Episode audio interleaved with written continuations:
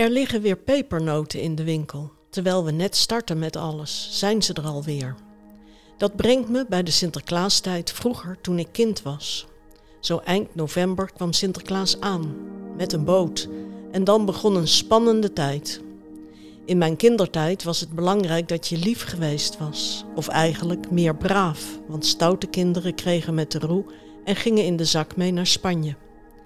Dat maakte op mij best indruk, ook al was ik denk ik een heel braaf kind. Als kind was ik altijd wat bang om, als ik naar mijn kamertje op zolder ging, Piet tegen zou komen en dan zou schrikken. Dus ik maakte, als ik naar boven liep, flink wat lawaai. Dan hoorde hij me aankomen. Overigens nooit tegengekomen hoor op de trap. En ook nooit gehoord dat er kinderen met de roe kregen of meegenomen waren naar Spanje. Toen ik een jaar of zeven was, kreeg mijn moeder straf van Sint. Ze had haar schoenen te drogen gezet bij de kachel, dezelfde dag dat wij onze schoen mochten zetten. En ze kreeg, omdat ze heel onbescheiden twee schoenen had gezet, een brief van Sint. Voor straf moest ze een babyvestje breien. Patroon en wol werden bijgeleverd. We hebben haar, onder de indruk van deze straf, flink gemotiveerd door te breien. Groot was de verrassing toen ons babyzusje het vestje kreeg op 5 december. Allemaal mooie herinneringen aan Sinterklaas in mijn jeugd. En ik wist niet beter dan dat Sint bij alle kinderen komt. Nu weet ik beter. Er zijn kinderen waar Sint niet komt en niet omdat ze stout geweest zijn, maar omdat er geen geld is om cadeautjes te kopen. Gelukkig zijn er organisaties die zorgen dat kinderen wel wat krijgen van Sint, zoals bijvoorbeeld Present.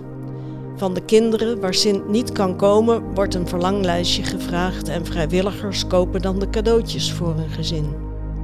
Ik doe dat al een aantal jaar, maar vorig jaar mocht ik ook meehelpen met de organisatie. Gedurende twee dagen kunnen de cadeautjes worden ingeleverd. Wat een feest! Al die mensen die komen met zakken vol cadeautjes. Samen met hun gezin of hun kring hebben ze dat verzorgd. Maar ook een schoolklas had gezorgd voor zakken vol cadeautjes. En dan de woensdag voor Sinterklaas. We waren al vroeg bezig om alle Sinterklaas en Pieterpakken klaar te leggen.